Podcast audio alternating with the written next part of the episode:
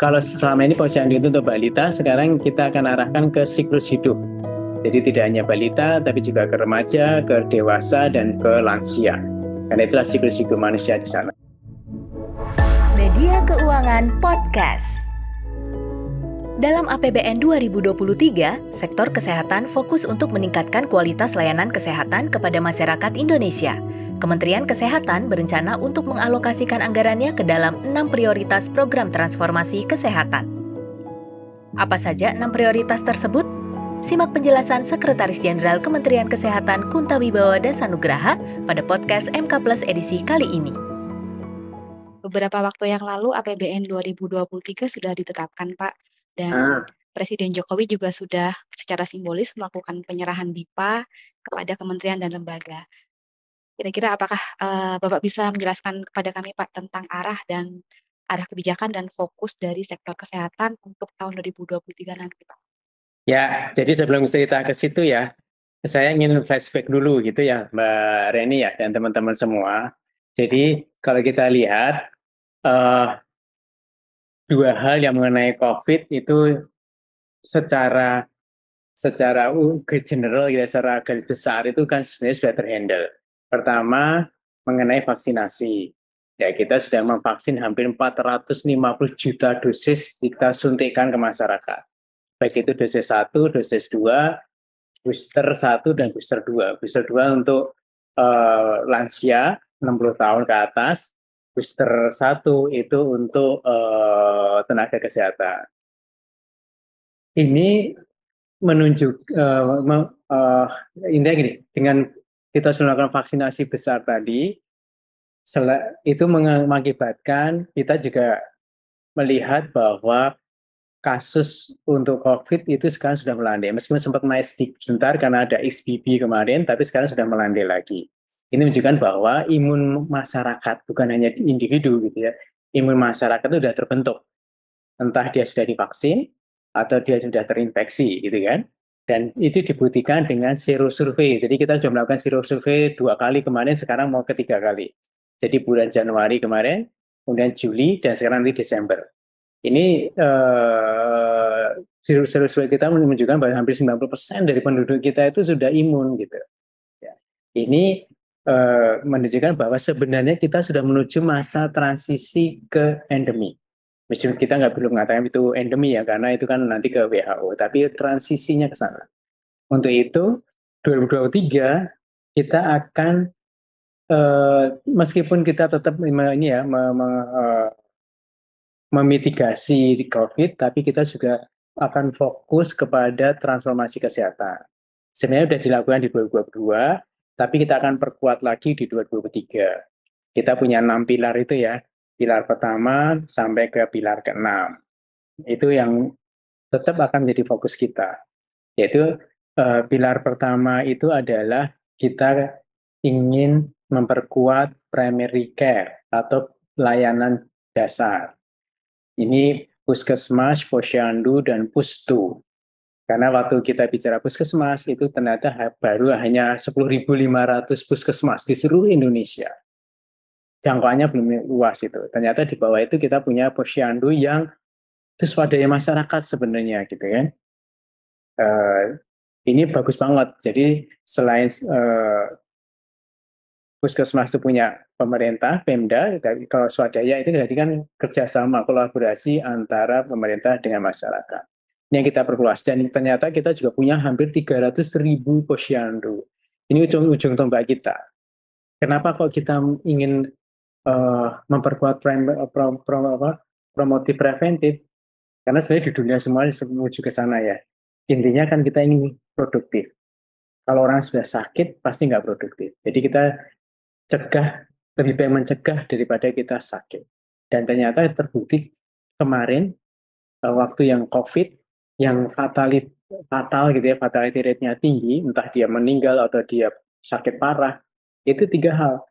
Dia tidak belum atau belum vaksin, kedua umurnya di atas 60 tahun atau sudah tua, ketiga komorbid.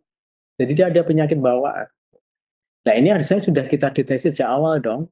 Maka di puskesmas posyandu itu nanti akan kita perkuat dengan laboratorium sederhana untuk screening. Kita harus tahu betul, oh ternyata saya diabetes. Berarti hidup, gaya hidup kita harus berubah. Oh saya ternyata apa eh, asam urat gitu kan? Atau saya ada bawaan jantung ya itu harus dirubah. Atau kita mulai olahraga gitu ya. Ini yang pilar satu maka untuk tahun depan ini ada beberapa yang ingin saya sampaikan. Di sini kita akan melakukan imunisasi rutin ke, ke, ke ke mas ke balita ya terutama ya ada 14 jenis vaksin termasuk ke ibu dan anak. Kemudian kita juga ada deteksi untuk 16 penyakit yang screening. Yang ketiga kita memperkuat tadi posyandu pustu dengan menggunakan alat-alat seperti USG, antomometri dan lain-lain sehingga ibu hamil itu sudah di USG gitu kan. Kalau sekarang ternyata tidak semua ibu hamil di USG, padahal di kota-kota besar kan sudah semua, tapi di desa-desa kan enggak. Itu menimbulkan apa? Tingkat kematian ibu itu tinggi, karena kita nggak tahu bayinya seperti apa. Dengan di USG kita akan tahu kalau dia sudah sungsang atau terbelit ususnya gitu kan, itu langsung dirujuk ke rumah sakit. Kemudian kita keempat adalah uh, Labkesmas. Kita memperkuat laboratorium kesehatan masyarakat. Karena uh, di COVID kemarin surveillance itu penting dan surveillance itu basisnya pasti laboratorium. Dan itu tidak hanya untuk COVID gitu kan? Kemarin kayak, kayak polio kan kita juga melakukan surveillance kita cek betul kenapa sakitnya apa ini kenapa aku bisa ada polio kembali penyebabnya apa gitu kan? Begitu ketahuan oh ternyata dia hidup hidupnya masalahnya nggak ada ada persoalan tapi ternyata dia hidupnya jorok gitu kan? Dia menggunakan sungai gitu kan? Untuk segala kehidupannya. Akhirnya kita surveillance tuh sepanjang sungai tadi siapa yang memakai sungai tadi? Karena virusnya itu bertahan lama. Sehingga kita ketahuan nanti ketemu tiga orang lagi gitu. Tapi begitu udah clear langsung bisa kita handle dengan baik. Jadi laboratorium kesehatan masyarakat itu penting sekali. Dan itu akan berjenjang. Di puskesmas kemudian di kabupaten kota lalu di provinsi, kemudian di region dan di nasional. Nanti apa spesifikasi ataupun uh, kemampuannya akan berjenjang gitu ya. Di puskesmas pasti yang sederhana. Itu ya. Yang kedua mengenai layanan rujukan, melakukan reform di rumah sakit agar rumah sakit di seluruh Indonesia itu bisa melayani empat penyakit yang mematikan jantung, stroke, cancer, dan ginjal. Ya, Kemarin 2020 sudah, tapi 2023 kita perkuat lagi. Dan harapan kita nanti di, di 2024 itu sudah mencapai 50 persen dari seluruh rumah sakit, baik kabupaten kota maupun provinsi. Nanti 100 persennya di tahun 2027. Persoalannya bukan karena alat, tapi lebih kepada sumber daya manusianya, gitu kan? Kita perlu dokter spesialis dan subspesialis. Ini agak lama, karena kita perlu menyekolahkan dan memberikan beasiswa. Kemudian yang ketiga, transformasi ketiga ini mengenai sistem ketahanan kesehatan. Ini adalah untuk memperkuat uh, ketahanan kita, terutama produk-produk dalam negeri. Di sini kita dorong kemandirian, kefarmasian, dan alat kesehatan. Misalnya uh, melanjutkan apa yang sudah dilakukan di 2022, termasuk teknologi-teknologi yang memang belum ada di Indonesia, kayak uh, mRNA kalau kita sekarang kan bisanya virus yang dimatikan gitu kan yang uh, biotik dan lain-lain tapi sekarang kita mulai masuk ke mRNA kemudian untuk alat kesehatan uh, kita juga mulai meningkatkan ke high teknologi gitu Bu ya. Termasuk kita juga memperkuat adanya tenaga cadangan kesehatan. Dan ini sudah dibuktikan waktu ke kemarin kasus bencana di terakhir itu uh, Cianjur. Itu kita sudah melakukan uh, uh, menggunakan program tenaga kesehatan tadi. Sebenarnya sudah ada semua sudah terjadi pengalaman kita tahun-tahun sebelumnya tapi kita sekarang lebih mengorganisir. Minggu pertama itu sebenarnya kebutuhannya apa? Ternyata kita lihat waktu kalau bencana yang paling banyak adalah dokter-dokter uh, ortopedi gitu ya. Karena ada apa tulang patah dan lain-lain itu yang penting. Tapi setelah setelah dua minggu Itu yang penting adalah Pak dokter-dokter penyakit dalam, karena orang mulai sakit. Uh, dokter-dokter infeksi, kemudian mungkin ahli jiwa justru itu yang dibutuhkan. Jadi ini yang pengalaman tadi membuat kita mungkin nanti jauh lebih siap kalau ada bencana. Ini yang kita ingin lakukan melalui program tenaga cadangan. Kemudian untuk uh, pilar keempat, lima, yang empat ada pembiayaan kesehatan. Di sini adalah untuk JKN, Jaminan Kesehatan Nasional, yang BPJS Kesehatan. Kita ingin mengembalikan kitohnya bahwa BPJS Kesehatan itu ada asuransi sosial. Jadi harusnya semua orang sama. Mau kaya dan miskin harusnya sama. Dia mendapatkan layanan yang sama. Gitu kan? Maka kita mendorong adanya KDK, kebutuhan dasar kesehatan, dan kelas rawat inap standar. Termasuk satu paket dengan nanti kita juga lagi melakukan penyesuaian untuk tarif inasi bisnisnya. Jadi tarif untuk layanan kesehatan yang kita bayarkan, BPJS, BPJS Kesehatan bayarkan kepada rumah sakit. Ini kita sesuaikan. Gitu ya, ah, harapannya adalah apa? Pertama, kembali ke kitohnya social insurance. Kedua, layanan kepada masyarakat akan lebih baik. Itu, itu karena kalau kita bicara kris, sekarang ada sudah ada kriterianya, ada 12 kriteria, satu ruangan itu nggak boleh tumpuk-tumpuk. Kalau sekarang kan numpuk-numpuk ada 8 orang gitu kan, artinya ya penyakitnya muter aja di situ gitu. Sekarang kita jaga empat orang, satu rumah sakit, eh satu eh, kamar, kemudian ada kamar mandinya. Gitu. Jadi dia lebih layanannya lebih ter, ter, terjaga. Kemudian yang ke pilar kelima mengenai SDM kesehatan, karena semua tadi ujungnya adalah dokternya gitu kan, spesialis dan subspesialisnya kurang. Maka kita dorong untuk mencetak lebih banyak melakukan uh, fakultas kedokteran karena ternyata tidak semua provinsi itu punya fakultas kedokteran. Kita buka kerjasama dengan Kemendikbud, kemudian kita dorong beasiswa, kita juga dibantu oleh LPDP. Sekarang beasiswa untuk dokter, untuk spesialis dan spesialis itu meningkat luar biasa. Tahun ini 1.500, mungkin tahun depan 2023 itu 2.500-an. Itu ya. Itu untuk SDM ya.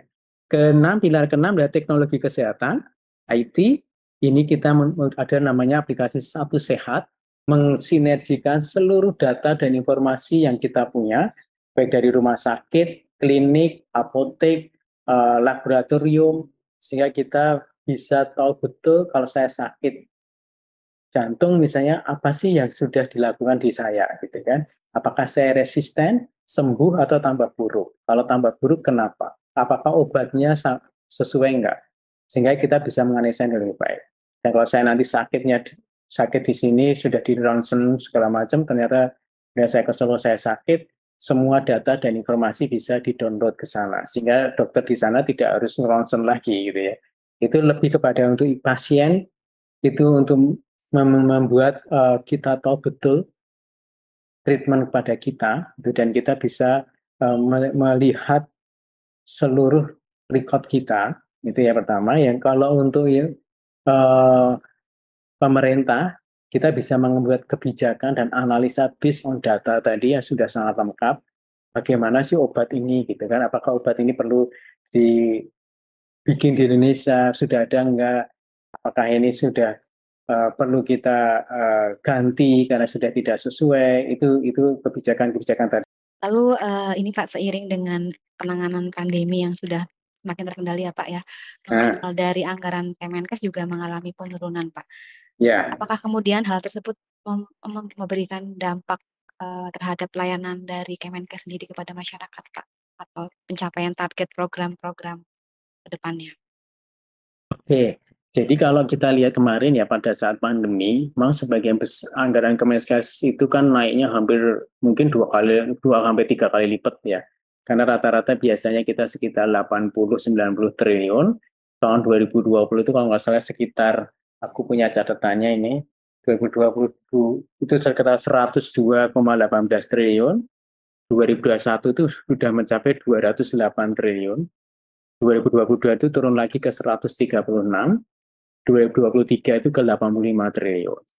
Ya, tapi tidak berarti bahwa terus oh, kalau turun berarti ini dong layanannya berkurang. Tidak, karena kalau kita eh, lihat detailnya pada tahun 2020 dan 2021 dan 2022 yang meningkat drastis itu di 2021 itu sebagian besar digunakan untuk vaksinasi.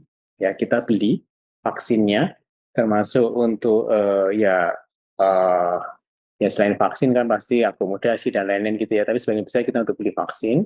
Kemudian untuk insentif tenaga kesehatan karena waktu itu tenaga kesehatan kita kasih insentif karena mereka ujung tombak kita mereka uh, berhadapan langsung dengan pasien, kadang-kadang mereka juga merenggang nyawa gitu ya, karena mereka itu makanya kita kasih insentif.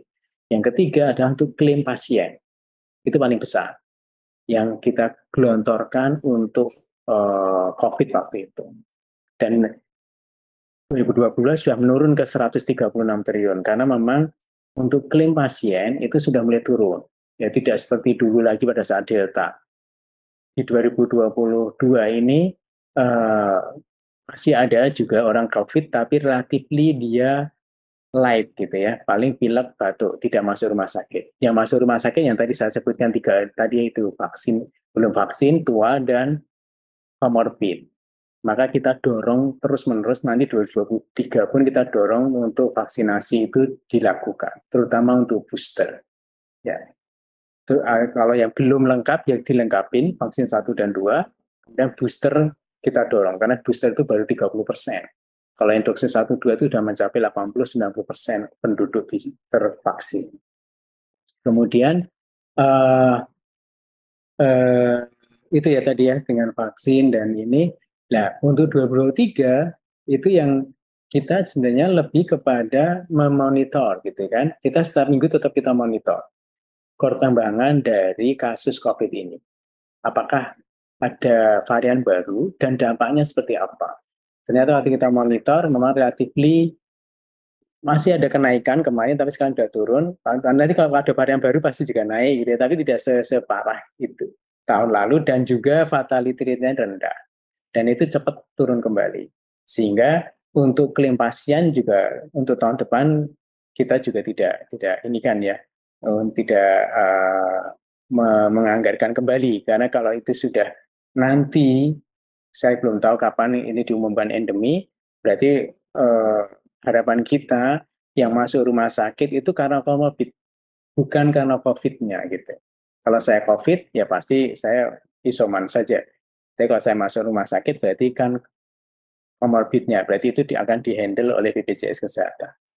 Insentif nakes sudah tidak ada lagi, kemudian vaksin nanti kita buka, gitu kan? Siapa yang akan disubsidi, eh, digratiskan, mana yang harus bayar sendiri. Jadi untuk itu ke depan kami tetap tetap monitor posisinya. Kemudian kedua kita tetap menghimbau masyarakat untuk tetap berhati-hati dalam arti uh, tadi kita dorong untuk untuk apa imun setelah komunal.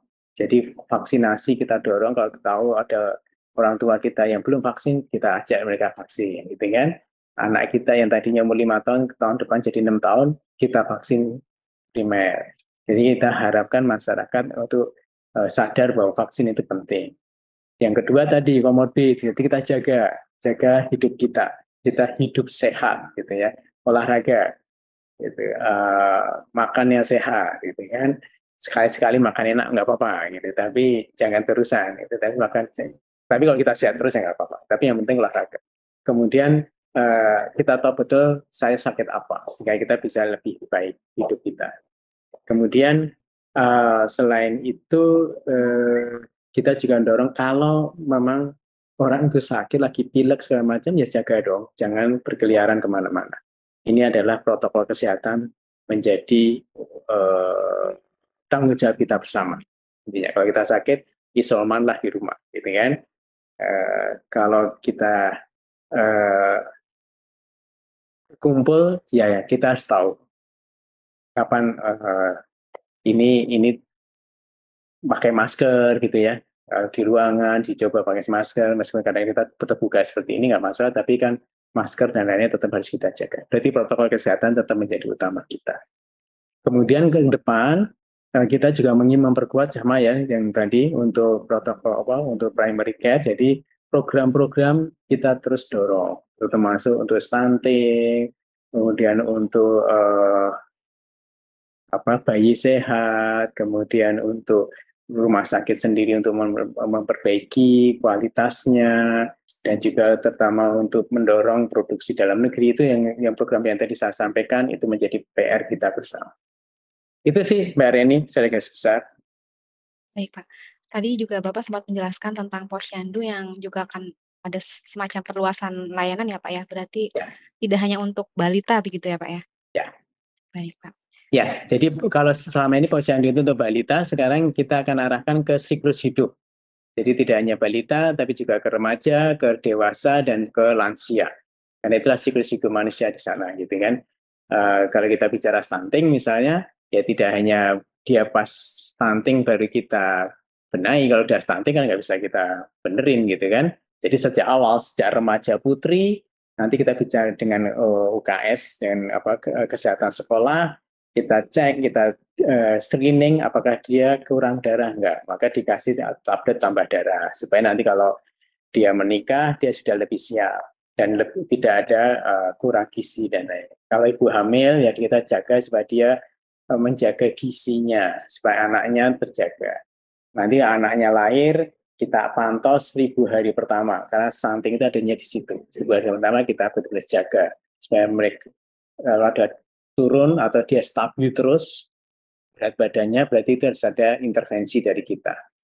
Termasuk kita sekarang menggunakan, mendorong menggunakan protein, protein dari lokal.